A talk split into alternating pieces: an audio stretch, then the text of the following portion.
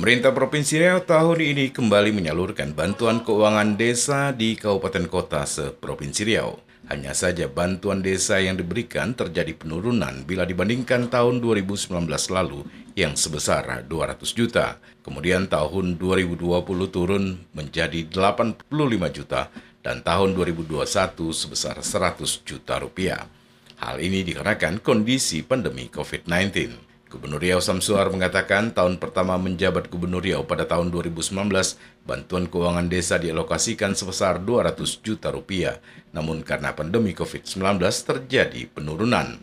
Karena itu, Gubernur berharap pembangunan desa yang menggunakan bantuan desa harus sesuai dengan program pemerintah, baik itu yang menggunakan sumber alokasi dana desa atau ADD Kabupaten Kota, termasuk bantuan keuangan dari provinsi. Lebih lanjut, Gubernur menyampaikan di masa pandemi COVID-19 ini, mengajarkan semua pimpinan di dunia sampai ke level terbawah harus bijaksana. Oleh karena itulah Gubernur berpesan agar kepala desa dapat menggunakan dana ini sebaik-baiknya. Hal yang berkenaan dengan penyalahgunaan pasti instruktoran masuk.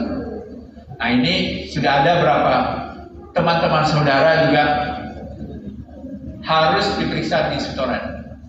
Dianggapnya duit itu duit diuk Duit bantu keuangan itu bukan duit dia, duit pemerintah, duit rakyat.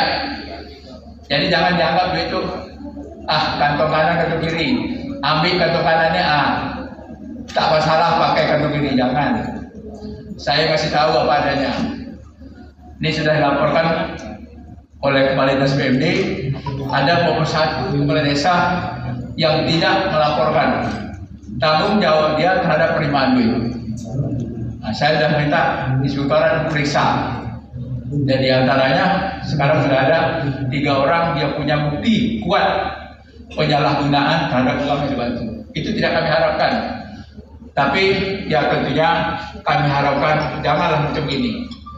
Begitu pengawasan ketatnya masih ada juga berani.